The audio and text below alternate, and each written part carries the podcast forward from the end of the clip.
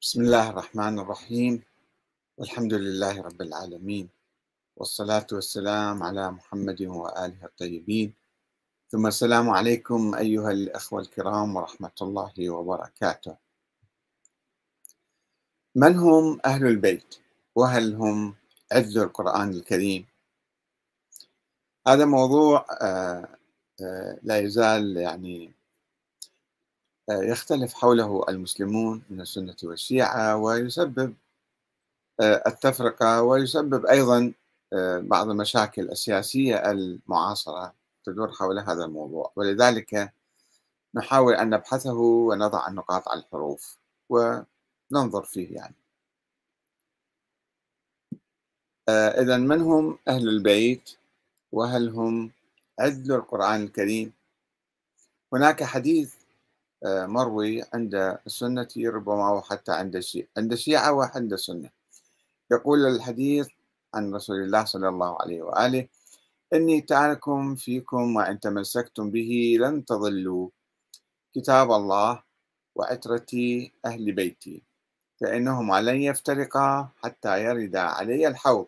طبعا وارد في عدة صيغ. آه، أيضا وارد في كتاب الله وسنتي كتاب الله وعترتي فقط. كتاب الله وعترة أهل بيتي. آه، وهناك حديث آخر أيضا يرويه مسلم ولا يرويه الشيعة بالحقيقة يقول آه، أنا تارك فيكم ثقلين. أولهما كتاب الله فيه الهدى والنور فخذوا بكتاب الله واستمسكوا به. الراوي يقول فحث على كتاب الله ورغب فيه. ثم ثم قال وأهل بيتي.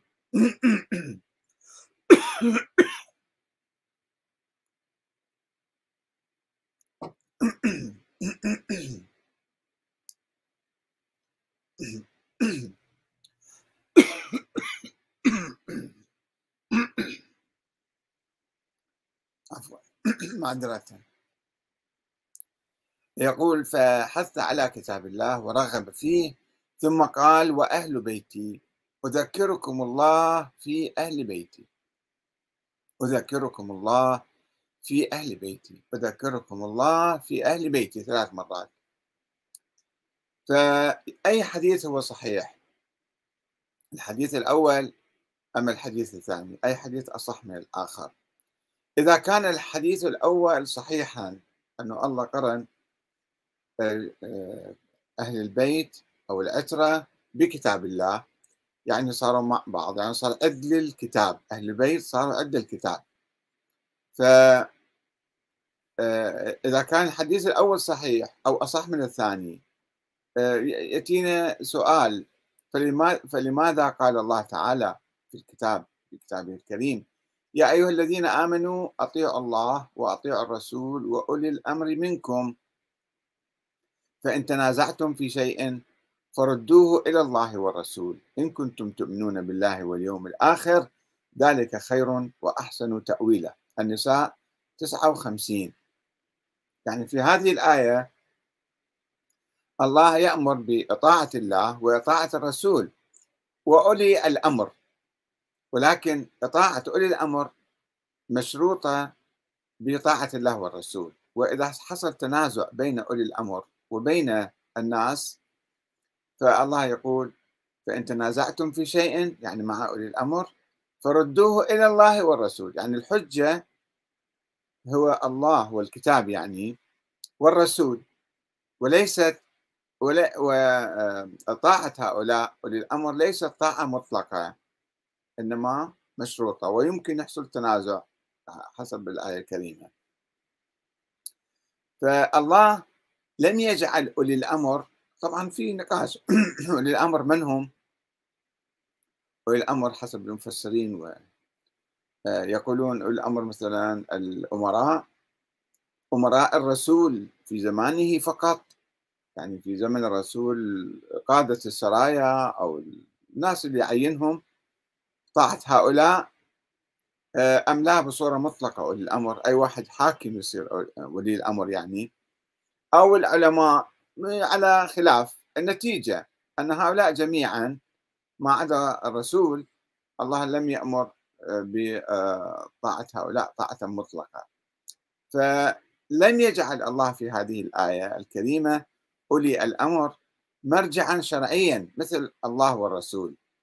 بل قال فإن تنازعتم في شيء فردوه إلى الله والرسول.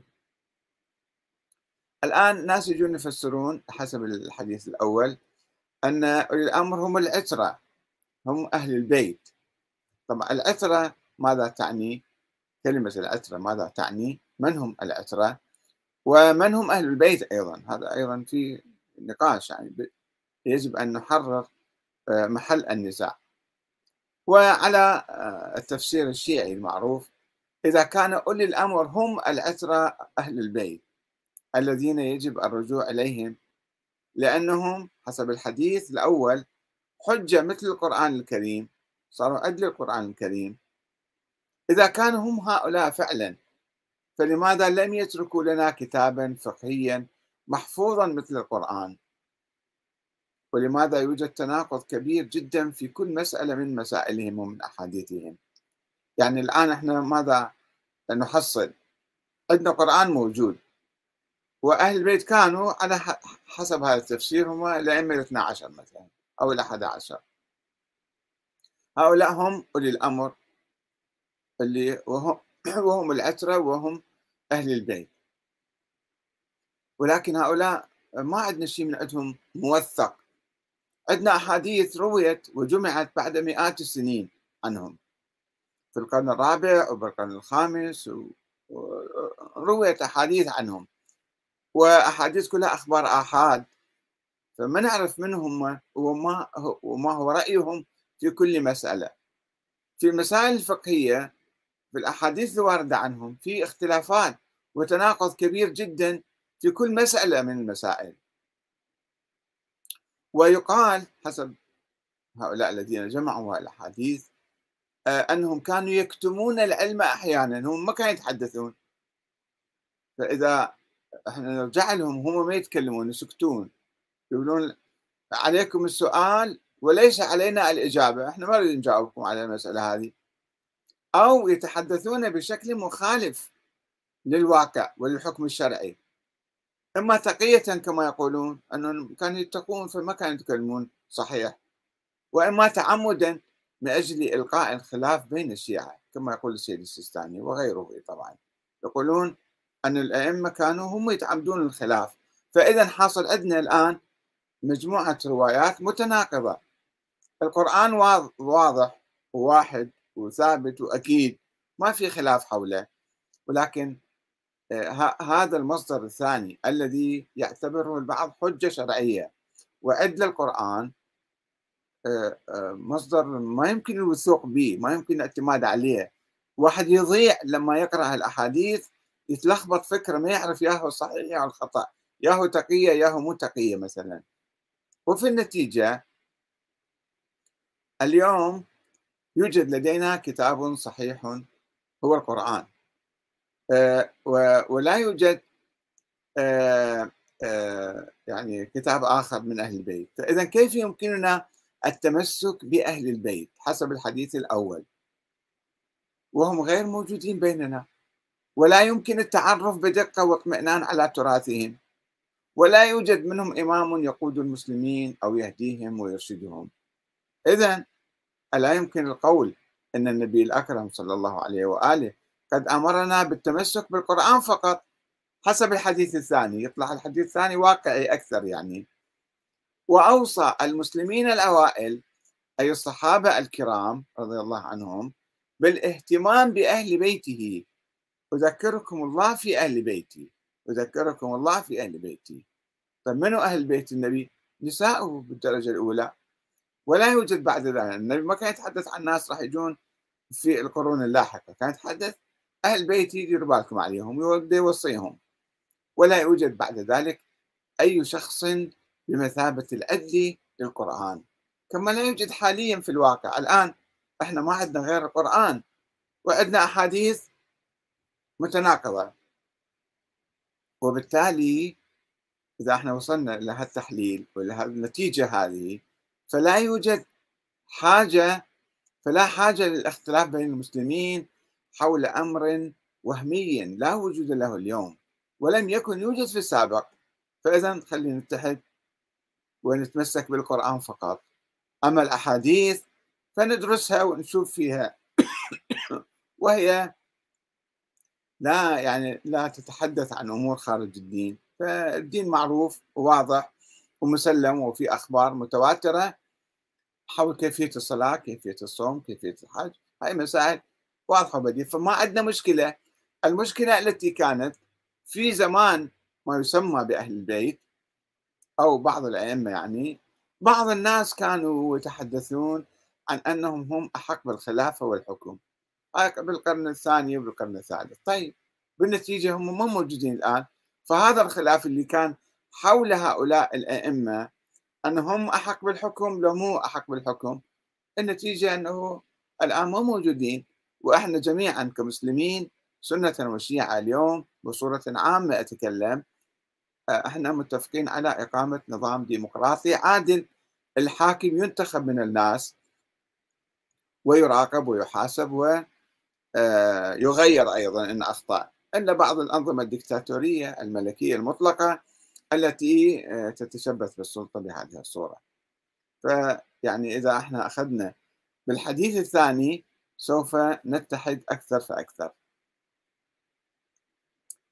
الآن خلينا نشوف أن هذا حديث الثقلين حسب آه، مؤسس المذهب الاثني عشري أو مبلور الفكر الشيعي اللي هو الشيخ المفيد الشيخ المفيد في القرن الرابع توفى في القرن الخامس سنة 413 هذا هو طبعا كتب كتب كثيرة وبلور الفكر اللي كان مشتت وضائع يعني متفرق هنا وهناك. بلور العقيدة أو النظرية الاثنى عشرية.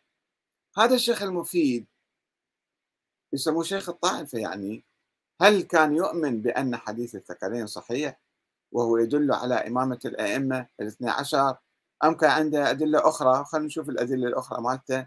ما هي؟ فإذا الشيخ المفيد يقول حديث الثقلين لا يفيد ولا يدل على الأئمة الاثنى عشر. هذا حسب أنا عندي قراءة في كتاب له اسمه الجارودية. الجارودية فرقة من الزيدية. كانوا في الأيام السابقة. فهو يجادلهم ويناقشهم حول نظرياتهم. هم شوية أوسع من الإمامية. الجارودية من الزيدية. الزيدية فرق وتيارات عديدة ليسوا مذهبا واحدا. آه، الجارودية كانوا يحصرون الإمامة في أبناء الحسن والحسين. الإمامية الاثنى عشرية يقولون لا في فقط في أبناء الحسين مو في أبناء الحسن. فكان في نقاش معهم حول هذا الموضوع. وطبعا كما تعرفون أن الشيخ المفيد أسس المذهب الاثني عشري في القرن الرابع تحت ظل العباسيين والبويهيين في مقابل المذهب الإسماعيلي الذي أقام الدولة الفاطمية في نهاية القرن الثالث الهجري واستمرت في القرن الرابع والخامس إلى أواسط القرن السادس الهجري. فهو أسس هذا المذهب الاثني عشري في مقابل الدولة الفاطمية وكان في صراع سياسي بين العباسيين والبويهيين من جهة وبين الفاطميين الإسماعيليين الشيعة الإمامية آه، من جهة أخرى. لذلك هو بالحقيقة وأيضا كان عنده نقاش مع الزيدية الزيدية الجارودية اللي هم كانوا يقولون لا إحنا أيضا حكام وكان عندهم حكومات هنا وهناك فيعترف الشيخ المفيد في هذا الكتاب في كتاب الجارودية أثناء جدال له مع الزيدية الجرودية بعدم دلالة حديث العترة على إمامة أهل البيت أو حصر الحق في الإمامة في أولاد الحسن والحسين. وأرى من المفيد جدا نقل مقاطع من حواره الطويل في هذا المجال هنا. يقول قالت الإمامية تخاطب الزيدية وأي نفع لكم في وفاقنا إياكم على شيء لا حجة لنا جميعا عليه. والدعوة فيه عارية من برهان على صحته ما في دليل به. وخصومنا جميعا يعيرونا بالاقتصار فيه على الدعاوى المجردة من البيان. في تنافس ثقافي سياسي فكري كان ذيك الأيام فيقول خصومنا يعايرونا يقول أنتم شنو متمسكين بالأحاديث الضعيفة الواهية؟ الدعاوى المجردة من البيان ويحكمون علينا من أجل ذلك بالعجز عن الاحتجاج والتقليد في الإعتقاد. يقول أنتم قاعد تقلدون ما عندكم ما تقدرون تبرهنون كلامكم. اللهم إلا أن تزعم إلا أن تزعموا أن الدعاوى مغنية عن البرهان.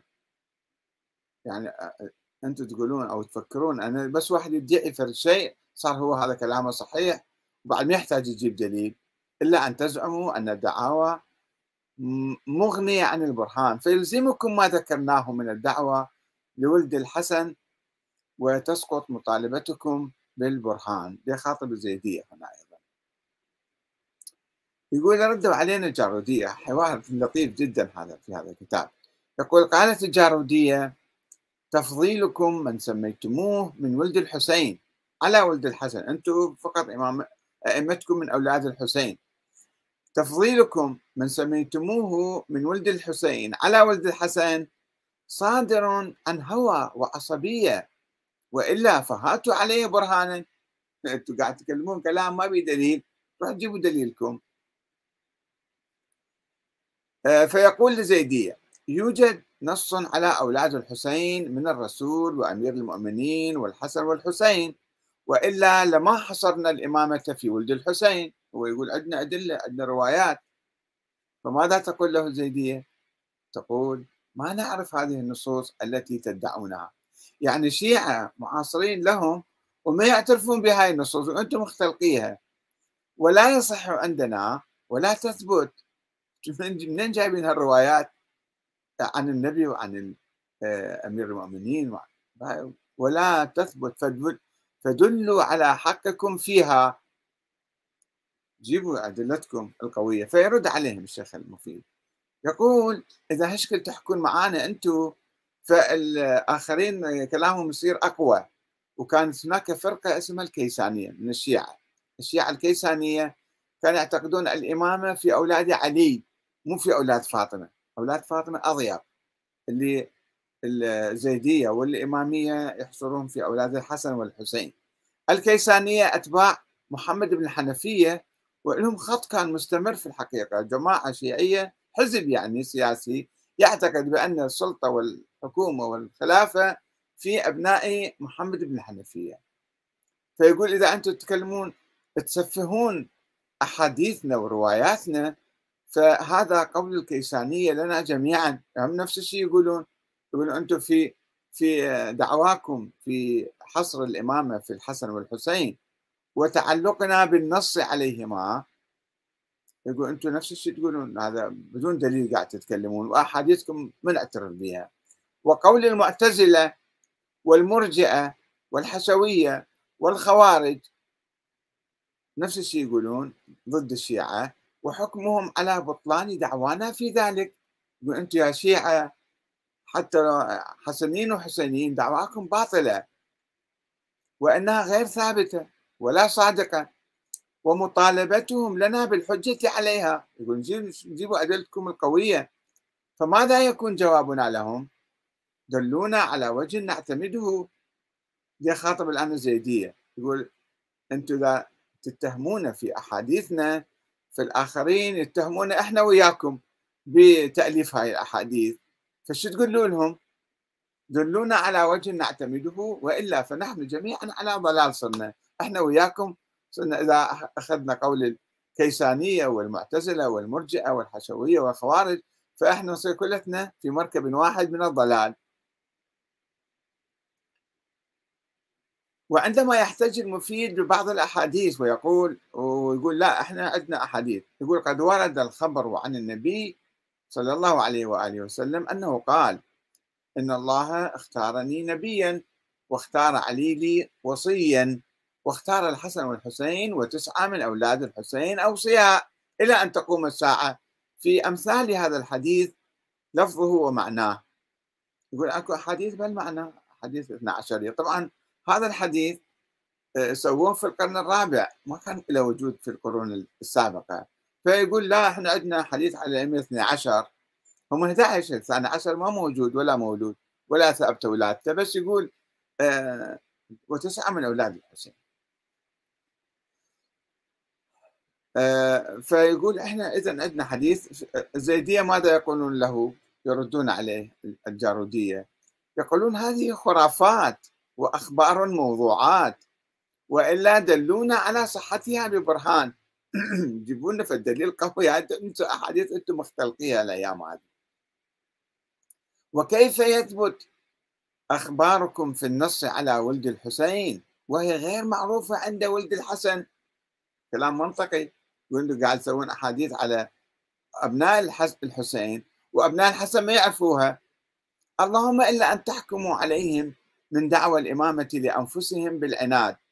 أبناء الحسن كانوا هم يصدرون قيادة الشيعة أيضا في القرون الأولى وبالتالي تتهموه أن ذولا من أجل المصالح السياسية دينكرون وهم معروفين بالتقوى والصلاح والوراء مو معقولة ما يعرفون الأحاديث مالتكم.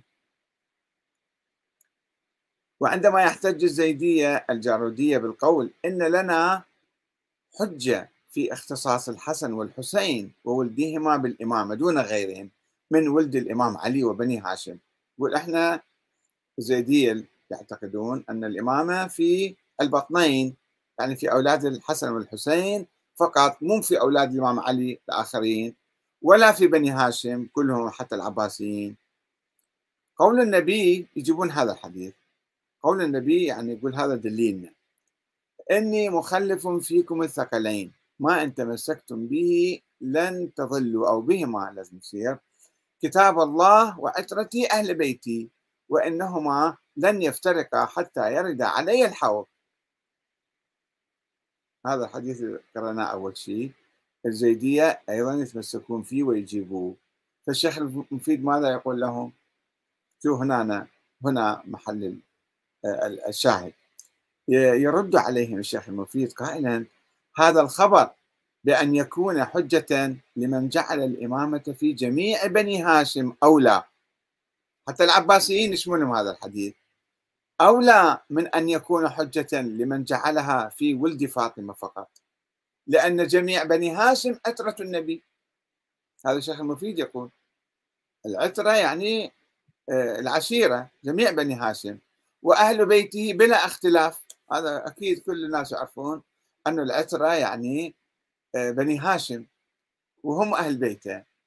هذا في كتاب الجارودية صفحة 40 طبعا كتابه مختصر صغير ولكن كل هالجدال موجود فيه. فهنا لما يرد عليهم الشيخ المفيد بهذا الكلام ينسف حديث الثقلين بالمرة. يعني هذا ما يصير دليل على الإمامة. يقول قالت الجارودية فهذا يلزم الإمامية فيجب أن يكون العباس وولده وعبد شمس وولده داخلين في جملة العترة التي خلفها النبي في أمته إذا كانت العترة تتعدى الورثة إلى غيرها من الأهل يعني العشيرة كلها وهذا نقض مذهب الشيعة. بالمرة راح يطير مذهب الشيعة على هالكلام هذا. الزيدية يقول أنتم يعني ورطتوا نفسكم أيضا بنفي هذا الحديث. وبعد أن ينسف الشيخ المفيد التعلق بحديث العترة في الاستدلال على الإمامة يدعي وجود أدلة وأحاديث أخرى غير حديث الثقلين. ويقول لكننا لا نعتمد على ذلك ولا نجعله أصلا لنا في الحجة مو أساس هذا مو ما معتمدين عليه. وقد ثبت عندنا بأدلة من غير هذا الخبر فضل أمير المؤمنين في وقته على سائر أهل بيت النبي وكذلك فضل الحسن والحسين والأئمة من ولد الحسين على غيرهم من كافة الناس. يعني لجأ للواقع. كانوا الأئمة كانوا علماء أبرار فضلاء وناس طيبين خيرين مجاهدين. فلذلك اتبعناهم. ما اعتمد على حديث حولهم. قال الأحاديث صارت ضعيفة فإذا نحن نعتمد على واقعهم. فإن قال قائل من أهل الخلاف أن النصوص التي يروونها الإمامية موضوعة هاي أخبار الأحاديث كلها مفبركة. والأخبار بها آحاد. وهو الشيخ المفيد يقول آه، أخبار الآحاد لا تفيد علما ولا عملا ما تسوي عقيدة دينية. أهل الخلاف يقولون أحاديثكم كلها موضوعة والأخبار بها آحاد وإلا فليذكروا طرقها. من وين جايبيها أنتم بعد مئات السنين أو يدلوا على صحتها بما يزيل الشك فيها والارتياب. إحنا شاكين بأحاديثكم أنتم مسويها مختلقيها. فينقل الشيخ المفيد كلام المخالفين. قيل له ويرد عليهم. ورد في حقيقة هو في اعتراف ضمني بصحة كلام الآخرين. قيل له ليس يضر الإمامية في مذهبنا في مذهبها الذي وصفناه عدم التواتر في أخبار النصوص على أئمتهم. يعني هو يعترف أن الأخبار الجاية على أئمة مو متواترة يقول بس هذا مو مو مشكلة ما يضرنا يعني. ولا يمنع من الحجة لهم بها كونها أخبار آحاد. حتى لو كانت أخبار آحاد هذا مو مشكلة كبيرة. لماذا؟ يا شيخ مفيد مو أنت تقول أخبار الآحاد لا تفيد علما ولا عملا فشلون تقبل في تأسيس عقيدتك؟ ونظريتك بالإمامة على هاي الأخبار الآحاد غير المتواترة يقول لما اقترن إليها من الدلائل العقلية فيما سميناه وشرحناه. إحنا عندنا أدلة أخرى فلسفية عقلية تثبت إمامة هؤلاء. شنو هي هاي الأدلة؟ من وجوب الإمامة أولا الإمامة واجبة. هذا أول كلام. أن الإمامة يعني الحكم والخلافة والدولة واجبة. وصفات الأئمة عليهم السلام. لازم تكون الأئمة يكونوا معصومين. بدلالة أنها لو كانت باطلة على ما تتوهم الخصوم لبطل بذلك دلائل العقول الموجبة لورود النصوص من أئمتنا عليهم السلام. بالاتفاق والظاهر الذي لا يوجد اختلاف وهذا بين بحمد الله لمن كان له عقل يدرك الأشياء. فيقول إحنا هالكلام ما نقدر نقوله يعني هذا يصير الكلام كله يروح آه، يتبخر يعني ما بعد ما نقدر نتكلم أي شيء. فهذا الدليل ماله في إثبات الإمامة. هو يعترف الشيخ المفيد بهذا النص أن الأدلة والروايات والأحاديث هي أخبار أحاد ومو متواترة. غير ذيك حديث الثقلين هو نسفه الشيخ المفيد.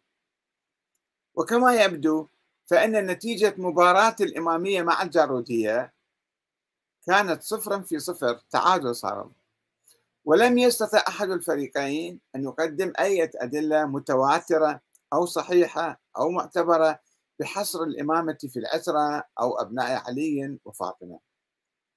كما اعترف بذلك المفيد بقوله الآنف قبل شوية قرأناه ليس يضر الإمامية عدم التواتر في أخبار النصوص على أئمتهم. صحيح تقولون ما عندنا أخبار متواترة بس إحنا عندنا عقيدة المهم نسويها الآن. وإن حاول أن يدعم تلك الأخبار بفلسفة الإمامة التي هي محل جدل وهي أول الكلام أنه هذا الكلام صحيح ولا مو صحيح. ثم هاي النظرية الشيخ المفيد جاي في القرن الرابع والخامس والأئمة كانوا في القرن الأول والثاني ووسط الثالث انتهوا. طيب أنت يا شيخ مفيد أسوي لك نظرية حول الإمامة. الزيدية كانوا يحكمون يقول لك إحنا أبناء علي أبناء الحسن والحسين إحنا نحكم. عندهم نظرية حيوية يعني كانت ممكنة التطبيق. والإسماعيلية أيضا من طرف آخر هم كانوا يقولون إحنا من سلالة الإمام جعفر الصادق من سلالة إسماعيل. فإحنا عندنا نحكم وده يحكمون. فأنت يا شيخ مفيد في القرن الرابع الهجري. أو في القرن الخامس. تسوي لك نظرية بس ما بيها نتيجة ما بيها ثمرة. يعني نسفت آه، الزيدية طيب أنت شنو وين آه، نظريتك؟ كيف يمكن تطبيقها؟ أنت كنت في كنف العباسيين الخلفاء العباسيين والبويهيين وما عندك نظرية. ومن ذلك اليوم إلى اليوم ألف سنة إحنا من الشيخ المفيد هاي النظرية الاثنى عشرية اللي قال عندنا أحاديث عليها ولو مو متواترة وأخبار أحاد هي وقعت الشيعة الاثنى عشرية في بئر في الحقيقة. وترتب على الإيمان بهذه النظرية. في ذلك القرن آه، الإيمان بوجود الإمام الثاني عشر الغائب. وتحريم إقامة الدولة في عصر الغيبة. لأنه يشترط الإمام يكون معصوم ومعين من الله ومن هذه السلالة وهذا الإمام موجود فتكليفنا انتظاره فقط انتظارا سلبيا بدون القيام بأي شيء. ولكن الحمد لله رب العالمين الشيعة اليوم قد تجاوزوا هذا الفكر وبدأت رحلة الخروج من هذا الكهف أو من هذا السرداب أو هذا البئر الذي وقعوا به شيئا فشيئا إلى أن طوروا النظرية المرجعية ثم طوروها إلى ولاية الفقيه ثم طوروها إلى النظام الديمقراطي أن الآن الحاكم ينتخب من الناس عبر إما بصورة مباشرة أو بصورة غير مباشرة عبر مجالس مجلس النواب أو مجلس آه، خبراء القيادة وما شابه. يعني عادوا تقريبا إلى الفكر الصحيح الفكر الإسلامي الأول الذي كان يجمع عليه المسلمون فكر الشورى. وهاي النظرية هي انتهت هي أساسا ولدت ميتة النظرية الاثنى عشرية. ولدت في القرن الرابع ميتة. وانقرضت وما لها وجود باقي في الأذهان فقط. بعض المشايخ في الحوزة بعض المراجع في الحوزة هنا وهناك يتمسكون بها لأنهم جعلوا من أنفسهم أئمة للناس هذه الأيام ويطالبون الناس بالولاء لهم والتبعية لهم والخضوع لهم وإعطاء الأموال لهم باسم أنهم نواب هذا الإمام آه، الغائب. الإمام المهدي الغائب الإمام الثاني عشر ودائما يشوفون مئات الكتب الآن مكتب السيد السيستاني يطبع وينشر بمختلف اللغات. راجعوا مركز الدراسات التخصصية في الإمام المهدي. تشوفون مئات من الكتب حول الإمام المهدي. لماذا هذا التركيز على وجود هذا الإمام والدفاع عنه؟ لأنه يصب في صالح المرجعية حتى تبقى المرجعية قائمة ومهيمنة على المجتمع الشيعي وتمنع تطور النظام الديمقراطي سواء في إيران أو في العراق أو في أي مكان. النظرية المرجعية هي نظرية بديلة عن نظرية الإمامة وهي تحاول آه، التشبث بنظرية الإمامة والإثنى عشرية وتقاوم التطور الديمقراطي وتقول لا أنتم يعني تكتيكيا نقبل بكم ولكن لازم ترجعون لنا نحن فوق الدستور وفوق النظام الديمقراطي. هذه هنا المشكلة اليوم. نحن بحاجة إلى إعادة النظر فيما كتب الشيخ المفيد من نظريات هو سواها من أحاديث مختلقة. هو يقول أحاديث غير متواترة وحديث الثقلين لا يدل على إمامة أهل البيت. والمهم سوالف النظرية ومشاها ووقعنا فيها ألف, ألف عام. نحن بحاجة إلى الوحدة الإسلامية وبعودتنا إلى القرآن الكريم والعقل والشورى نتحد في ظل القرآن الكريم ونتحرر من هيمنة الرجال الذين يدعون الولاية العامة والنيابة عن الإمام المهدي وأنهم هم الحكام الشرعيون وغيرهم حكام غير شرعيين. فنتحرر ونتحد إن شاء الله بإعادة تفكيرنا في هذه المسائل ودراستها من جديد حتى يوفقنا الله إلى مزيد من الوحدة والحرية والعدل. والسلام عليكم ورحمة الله وبركاته.